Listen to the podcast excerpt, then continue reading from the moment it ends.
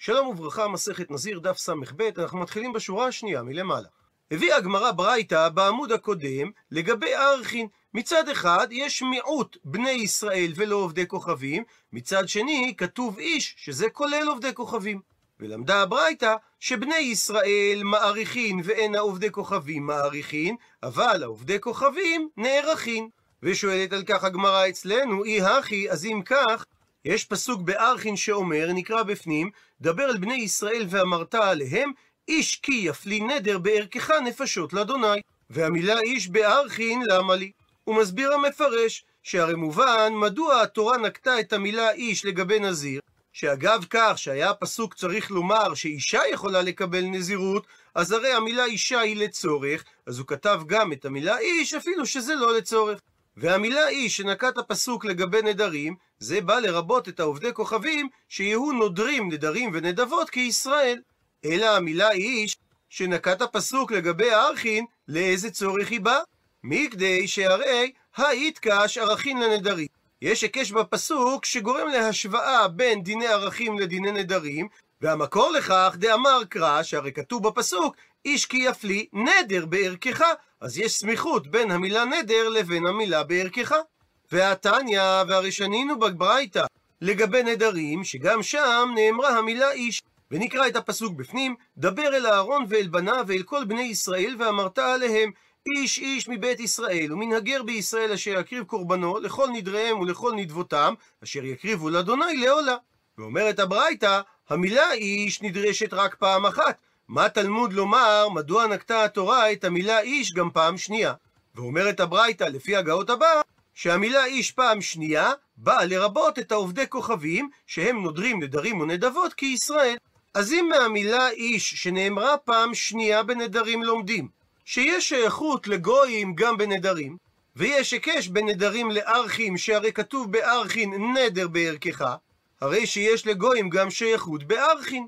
ומזה שנאמר, דבר אל בני ישראל, למדנו מיעוט שבני ישראל מעריכים ולא גויים מעריכים, נלמד שהשייכות של גויים בארכין, שאומנם הם לא מעריכים, אבל הם נערכים. אז אם כך שואלת הגמרא, איש כי יפלי בארכין, למה לי? לשם מה נקטה התורה את המילה איש בארכין? שהרי כיוון שכבר כתבה התורה את המילה איש, וכך למדנו שיש לגויים שייכות בנדרים, אז הוא הדין לגבי ארכין, שיש לגויים שייכות אליהם, שהם יהיו נערכים כישראל. אז אם כך, המילה איש לגבי ארכין מיותרת. אלא אומרת הגמרא, המילה איש בארכין אכן לא באה לרבות שיש לגויים שייכות בארכין, אלא היי איש, זה שכתוב איש בארכין, מבאי אלי, זה נדרש כדי להטויי, לרבות דין של מופלא סמוך לאיש.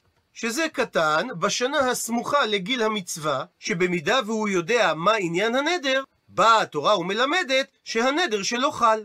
מקשה על כך הגמרא, הניחא הלימוד הזה מסתדר רק למאן דאמר שדין מופלא סמוך לאיש הוא דין דאורייתא, ולכן ניתן לומר שזה מה שהפסוק מלבן, אלא למאן דאמר שהדין של מופלא סמוך לאיש הוא דין דרבנן, אז לא ייתכן שההלכה הזאת נלמדת מפסוק, כי אז היא הייתה דאורייתא ולא דרבנן. אז אם כך חוזרת השאלה, איש כי יפלי, למה לי? מדוע נקטה התורה את המילה איש בארכין?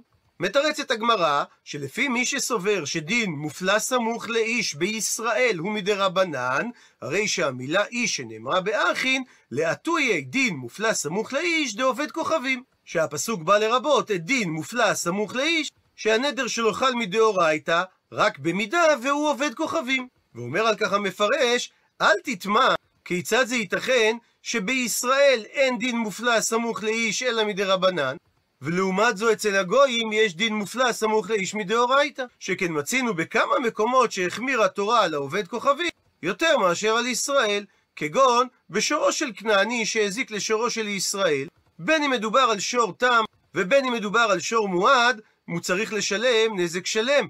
לעומת זאת, שור של ישראל שנגח שור של כנעני, בין אם הוא תם בין אם הוא מועד, הוא יהיה פטור מלשלם. מקשה הגמרא גם על הפירוש הזה, הניחא זה מסתדר למאן דאמר שמזה שכתוב בארכין בני ישראל, שזה בא למעט, שרק בני ישראל נערכים ואין עובדי כוכבים נערכים. ואז יכול היית לשאול, אולי הגויים גם לא יהיו מעריכין.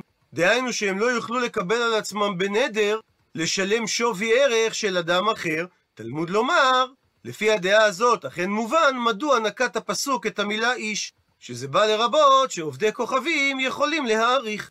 אז לפי הדעה הזאת, שפיר, מסתדרת הדרשה היטב שהמילה איש באה לרבות את דין מופלא סמוך לאיש בעובד כוכבים. אלא למאן דאמר שמלשון המיעוט שנקט הפסוק בארכין בני ישראל, לומדים בני ישראל מעריכים ואין העובדי כוכבים מעריכים, ולפי זה הוא שואל את השאלה הבאה, אז יכול שלא יהיו הגויים נערכים? לכן תלמוד לומר, נקט הפסוק את המילה איש, כדי לרבות שעובדי כוכבים יש להם שייכות מסוימת בארכין, שאדם מישראל יכול לקבל על עצמו חיוב ערך של גוי. אבל לפי הדעה הזאת, לא ניתן לומר שהמילה איש מלמדת על כך שגוי שהוא מופלא סמוך לאיש, דהיינו בשנתו ה-12, יש לו ערך, שהרי זה לימוד מיותר, כי אפילו תינוק בן חודש בר אירוחי הוא. שהרי התורה פירטה שאפילו לתינוק מגיל חודש ומעלה כבר יש ערך כספי מסוים. ואם אנחנו לומדים מהריבוי של המילה איש שעובדי כוכבים נערכים, זה ודאי לא מוגבל מגיל 12. ואם כך חוזרת השאלה, איש כי יפלי, למה לי? מדוע נקט הפסוק את המילה איש בארכין, והלא ניתן ללמוד את הדין הזה מנדרים? עונה על כך, אמר רב עדה בר אהבה, שהמילה איש בארכין באה להטויי, ללמד אותנו את הדין של עובד כוכבים גדול, שאף על פי שהוא אינו יודע להפלות, דהיינו, שהוא לא מבין את עניין הנדר, בכל זאת דבריו קיימים. אצל עובד כוכבים גדול הדין שונה, דאף על גב דגדול הוא, אם הוא אינו יודע להפלות את דבריו, דהיינו הוא לא מבין את עניין הנדר, אז הנדר שלו לא חל, עד שהוא יהיה גדול, לא רק פיזית, אלא גם בשכל, והוא יבין לשם מי הוא נודר, שרק אז דבריו יהיו קיימים. ואם נסכם, למרות שיש היקש בין נדרים לבין ארכין, ובנדרים למדנו מהמילה איש המיותרת, שיש שייכות לגויים בנדרים, וממילא יש גם שייכות לגויים בארכין, נקט הפסוק את המילה איש בארכין, או כדי ללמד שדין מופלא סמוך לאיש בישראל הוא דין דאורייתא. לפי מי שאומר שזה דין דרבנן, זה בא ללמד דין מופלא סמוך לאיש בגויים, לפי מי שאומר שגויים מעריכים. ולפי מי שאומר שגויים אינם מעריכים אלא נערכים, אמר עבדה בר אהבה שהמילה איש באה ללמד, שבשונה מישראל שהוא גדול, שהנדר שהוא מקבל על עצמו חל גם אם הוא לא מבין את עניין הנדר, אצל גויים הנדר אינו חל, אם הוא לא מבין את עניין הנדר, אפילו שהוא גדול. ממשיכה הגמרא ושואלת, אלא כי יפלי דכתב רחמן אגבי נזירות, למה לי? לאיזה צורך נקט הפסוק בנזירות את המילים כי יפלי? מכדי שהרי האיתקא שיש היקש בין נזירות לנדרים, שהרי כתוב בהמשך הפסוק כי יפלי לנדור נדר נזיר, ואם נזירות הוגשה לנדרים, ונדרים הוגשו לארכין, שהרי כתוב בארכין נדר בערכך, אז יכלה התורה להסתפק במילים כי יפלי שנאמרו בארכין, ולא להזכיר אותם גם בנזירות. אז אם כך, המילים כי יפלי שנאמרו בנזירות, למה לי? לאיזה צורך עזרה עליהם התורה? עונה על כך הגמרא, שהמילים כי יפלי בנזירות באות להטויי ללמד את הדין של ידיים שאינן מוכיחות. דאיתמר, שיש בדבר מחלוקת המוראים במסכת נדרים, ידיים שאינן מוכיחות. אביי אמר, הביאן ידיים, רבא אמר, לא הביאן ידיים. ידות נדרים זה דיבור שמבטא את מקצת מהנדר שאדם מוסר על עצמו. כמו שהיד של הכלי, דהיינו הידית, היא חלק מהכלי והיא לא עיקר הכלי, אבל מי שאוחז בה יכול לטלטל את כל הכלי. אז על אותו רעיון, ידות נדרים הם ביטויים שאדם נוקט בהם, שהוא לא מפרש את כל הנדר, אלא הוא מבטא את מקצת הנדר בלבד. אבל מכיוון שיש במה שהוא אמר את כל משמעות הנדר, חל הנדר בשלמותו. כאשר אביי סובר שידיים שאינן מוכיחות, בין בנזירות בין בנדרים, הן נחשבות ידיים, בנזיר זה כגון שאמר אדם רק את המילה אהה, ומדובר כגון שנזיר עובר לפניו. וכך גם לגבי נדרים, שאמר אדם את המילים מודרני ממך, והדין שהנדר חל, ואסור לו ליהנות משלו. ומקשה על כך הגמרא, שהדרשה מהמילים בפסוק כי יפלי, רק לאביי הניחה נוח הלימוד הזה, מפני שהוא אומר שידיים שאינן מוכיחות אביהן ידיים, אלא לרבה שאמר שידיים שאינן מוכיחות לא אביהן ידיים, מה איכא למימר? מה יש לומר שהוא דורש מהמילים כי יפלי שנאמרו בנזירות? אלא מתרצת הגמרא שהמילים כי יפלי מבעילי, הוא דורש אותם לכדי רבי טרפון, דתניא, שכך שנינו בברייתא בדף ל"ד, לגבי אנשים שרואים מישהו הולך מולם, והם לא מזהים מיהו בדיוק, והם מקבלים על עצמם נזירות התנאי, שרבי יהודה אומר משום רבי טרפון, שאין אחד מהם נזיר, והסיבה, לפי שלא ניתנה נזירות, אלא להפלאה. שאין נדר הנזירות חל, רק אם הוא יודע בוודאות בשעה שהוא נודר, שאכן תחול הנזירות. מקשה על כך הגמרא, הניחא מסתדר לדרוש לרבי טרפון, שהמילים כי יפלי אכן מלמדות שנזירות על תנאי אינה חלה, אלא לרבנן, שחלקו על רבי טרפון ואמרו שנזירות על תנאי חלה, מה איכא למימר? מה לשיטתם יש לומר ולדרוש מהמילים כי יפלי שנאמרו לגבי נזירות? אלא אומרת הגמרא שלשיטתם מבעילי, המילים כי יפלי נצרכות לכדתניא. לדברי רבי אליעזר שנשנו בברייתא הבאה, שאומרת הברייתא, היתר נדרים פורחים באוויר, ואין להם על מה שיסמוכו. זאת אומרת, ההלכה שחכם יכול להתיר נדר, אין לה מקור מפורש בתורה, וזה כאילו היא דבר הפורח באוויר העולם, כי המקור להלכה הזאת הוא אך ורק בתורה שבעל פה. רבי אליעזר חולק ואומר שיש להם להיתר נדרים על מה שיסמוכו, אפילו בתורה שבכתב, שנאמר איש כי יפלי, כי יפלי שתי פעמים, פעם אחת בארכין ופעם שנייה בנזירות, ומזה לומדים אחד הפלאה לאיסור ואחד הפלאה להיתר. הוא מסביר המפרש שמקי יפלי אחד לומדים שלא לבטל את הנדר כשאין בו חרטה, ומקי יפלי השני לומדים שניתן לבטל את הנדר כשיש בו חרטה. כך שאם נסכם, המילים כי יפלי שנאמרו בנזירות, לאביי זה המקור לכך שידיים שאינן מוכיחות הביאן ידיים.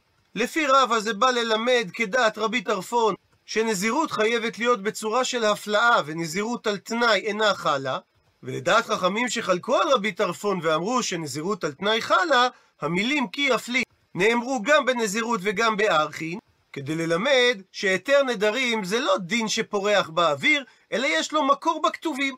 נדר שאין בו חרטה לא ניתן לבטלו, ונדר שיש בו חרטה ניתן לבטלו.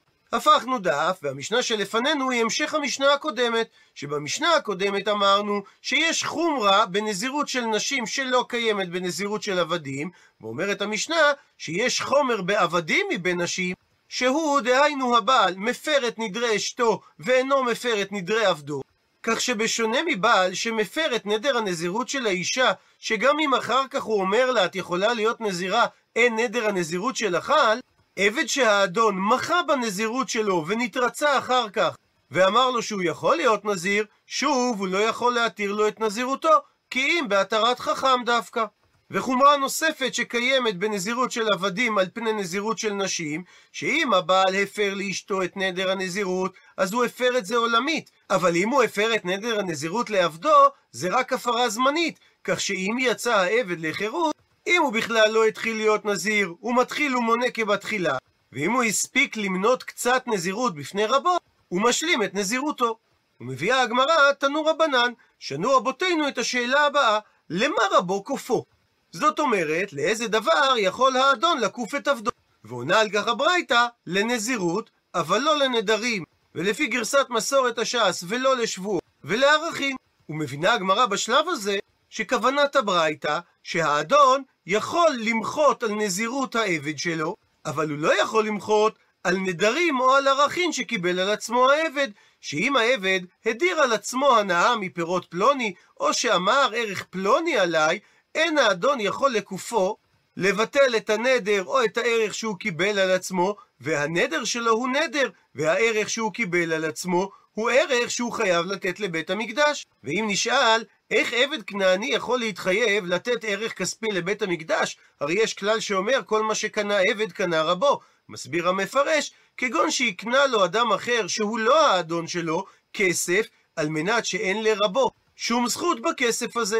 עד לכאן הסבר הברייתא, ושואלת הגמרא, מה ישנה גבי נזיר? מדוע הדין לגבי נזירות שיכול האדון לקוף ולבטל את הנזירות מהעבד, האם זה משום דאמר רחמנה שנקטה התורה בפסוק, נקרא אותו בפנים, איש כי ידור נדר לאדוני או אישה ושבועה לאסור איסר על נפשו, לא יחל דברו, ככל היוצא מפיו יעשה. אז האם זה בגלל המיעוט של המילה נפשו, דהיינו הנפש שלו, שנזירות שייכת רק במי שנפשו קנויה לו, וממילא יצא העבד הכנעני שאין נפשו קנויה לו אלא לאדון. אבל היא אם כך, אז אפילו גבי נדרים נמי, גם בנדרים יהיה הדין שהאדון יכול לקוף ולחייב את העבד לעבור על נדרו, למשל, להאכילו בעל כורחו מהמאכל שהוא נדר ממנו הנאה, שהרי הפסוק שבו כתובה המילה נפשו, זה פסוק שנאמר בנדרים. עונה על כך, אמר רב ששת, הכא במאי עסקינן, כאן בברייתא שהבחינה בין נזירות לבין נדרים וארכי, באיזה מציאות מדובר? כגון שהיה אשכול של הנביא מונח לפניו, אז גבי נדרים מסתבר לומר שהאדון לא יכול לכפות את העבד לעבור על נדרו, שהרי דקי מיצר בהאי, לא מיצר באחריני. גם אם הוא אסר על עצמו בנדר את האשכול הספציפי הזה של הענבים, הרי הוא לא נאסר באשכולות ענבים אחרים. אז גם אם הוא לא יאכל את האשכול ענבים הספציפיים הזה, זה לא גורם לאדון שהעבד שלו יחלש כי הוא לא אוכל, שהרי הוא יכול לאכול ענבים אחרים, ולכן לא מצי כפילי. אין האדון יכול לכפות את העבד לעבור על נדרו. מה שאין כן גבי נזירות, שאם העבד קיבל על עצמו נזירות מאשכול הענבים שמונח לפניו, דקי מיצר בהאי, איצר בכולהו. למרות שהעבד נקט לשון של נזירות רק כלפי אשכול הענבים הספציפי הזה, חלה עליו נזירות באופן כללי, וזה יגרום הפסד גדול לאדון שלו, שהוא לא יוכל לאכול שום דבר שיוצא מהגפן, וממילא זה יפגע לו בבריאות והוא יכחיש, ואז הוא לא ייתן לאדון את התפוקה הנדרשת. ולכן האדון מצי כפילי, הוא יכול לקוף את עבדו ולהאכילו בעל כורחו, מה שהזהיר ממנו. מוקשה הגמרא על הסברו של רב ששת, וגבי נדרים, מי לא עסקינן דלקה אלא האשכול? הרי לשון הברייתא הייתה לשון כללית, אז האם לא ניתן להעמיד את הברייתא שיש אשכול ענבים, אבל זה האשכול היחיד שיש באזור? כך דאי לא אחי לי חליש, שגם במקרה שהעבד קיבל על עצמו בנדר לא לאכול מאשכול הענבים הזה, מכיוון שזה אשכול הענבים היחיד באזור, אז אם הוא לא יאכל אותו זה ודאי יגרום לו לחלישות. ואם כך, זה דומה לחלוטין למקרה שהוא קיבל על עצמו נזירות. וממילא חוזרת השאלה, מדוע האדון יכול לכפות את העבד לעבור על נזירותו, והוא לא יכול לכפות אותו לעבור על הנדר שלו. אלא מכוח הקושייה הזאת, אמר רבא תירוץ אחר, שצריך להעמיד את הברייתא כגון שהיה חרצן, שזה דבר שאינו ראוי לאכילה, מונח לפניו, כך שאם הוא נדר מאכילת החרצן, זה לא גורם נזק לאדון, ולכן גבי נדרים, בהאיהו דמיצר לא מצי כאפילי, הרי הוא נאסר רק בחרצן הזה, וממילא האדון לא יכול לכפות אותו לעבור על נדרו. לעומת זאת, גבי נזיר, שהעבד קיבל על עצמו נזירות מהחרצן, דאיצר נמי באחריני. הרי זה מכיל עליו דין נזירות, כדין כל כינויי נזירות. וממילא זה יגרום הפסד לאדון, ולכן מצי כפילי. יכול האדון לקוף אותו לעבור על נזירותו. דוחה הגמרא את תשובתו של רבא לפי אותו עיקרון שהיא דחתה את תשובתו של רב ששת. וגבי נדרים, מי לא עסקינא? האם לא ניתן להעמיד את הברייתא במקרה דלקה אלא היי חרצן? שאין לפני העבד אלא את החרצן הזה בלבד, כך דאי לא אחי לי חליש. שלמרות שבדרך כלל זה דבר שלא אוכלים אותו, אם הוא לא יאכל את החרצן הזה, זה יגרום לו לחלישות, וממילא להפסד לאדון. ומדוע שיהיה הבדל בין זה שהאדון לא יכול לקוף אותו לעבור על נדרו, לבין זה שהאדון יכול לקוף אותו לעבור על נזירותו. אלא בעקבות השאלה הזאת אמר אביי תשובה אחרת, שצריך לקרוא את הברייתא באופן שונה.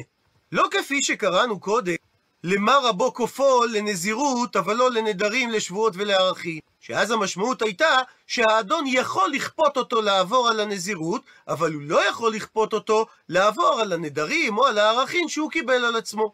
אלא אומר אביי שצריך לקרוא את זה באופן הבא, למה רבו צריך לכפותו? לנזירות, ואין צריך לכפותו לנדרים, ואינו צריך לכפותו לשבועה. זאת אומרת, הבנה הפוכה ב-180 מעלות מההבנה הקודמת. שבשונה מההבנה הקודמת, הנדרים והשבועות שקיבל על עצמו העבד בכלל לא חלים עליו, ולכן הרב שלו לא צריך בכלל להתייחס אליהם. מה שאין כן, הנזירות שקיבל על עצמו העבד חלה, ולכן הרב צריך לכפותו לעבור על הנזירות. ועל פי ההבנה הזו בדברי הברייתא, מבאר אביי, מהי טעמה? מה הטעם שהנזירות חלה, אבל שבועות ונדרים אינם חלים על העבד? דאמר קרא, שכתוב בפסוק, נקרא בפנים, או נפש כי תישבע לבטא בשפתיים, להרע או להיטיב, לכל אשר יבטא האדם בשבועה, ונעלם ממנו, והוא ידע ואשם לאחת מאלה. שאדם שנשבע להרע או להיטיב, זאת אומרת, לעשות רעה לעצמו או לעשות טובה לעצמו, למשל, שאני לא אוכל משהו או שאני כן אוכל משהו, ההיקש הזה בין להרע או להיטיב, מגדיר את השבועה שמחייבת את הנשבע. מה ההטבה המדברת בפסוק? יש רשות לנשבע לעשות אותה, אף הרעה שמדובר עליה בפסוק, יש רשות לנשבע לעשות אותה. יצא מהכלל הזה מי שנשבע להרע לאחרים, שאין הרשות בידו. זאת אומרת שמי שנשבע לעשות משהו רע לאדם אחר, השבועה בכלל לא חלה. ומכיוון שיש היקש בפסוק איש כי ידור נדר לשם בין הנדר לבין או הישב השבועה, אז גם בנדרים כמו שבועה, אם מדובר על נדר שגורם רעה לאדם אחר, למשל במקרה שלנו, שהעבד נודר משהו שגורם נזק לרב שלו, הרי שגם בלא מחאת הרב לא חל הנדר כלל. אבל שונה הדין בנזירות, שאדם הרי מזהיר על דבר שאין הרשות בידו. מה שאומר שההיקש בפסוק להרע או להיטיב, שמדבר על דברים שלאדם יש רשות בהם, לא רלוונטי לגבי נזירות. ולכן תחול הנזירות על העבד כל זמן שלא ימחה האדון. ואומרת המשנה, במקרה שעבר העבד מכנגד פניו של האדון, זאת אומרת שהעבד שקיבל נזירות והאדון מחה בו ברח מפניו של האדון, רבי מאיר אומר שלא ישתה העבד יין, ורבי יוסי אומר שהוא כן ישתה יין. ושואלת הגמרא, לימה בדשמואל כמפלגי? האם נחלקו התנאים במשנה בדינו של שמואל? דאמר שמואל, שאדם המפקיר עבדו, יצא העבד לחירות, ואין הוא צריך גט שחרור.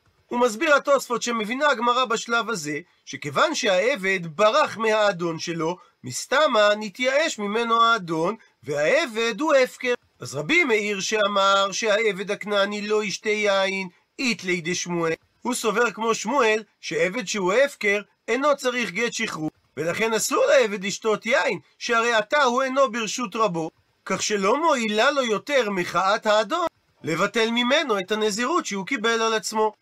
ורבי יוסי לעומת זאת, שאומר שהעבד יכול לשתות יין, לית לידי שמואל.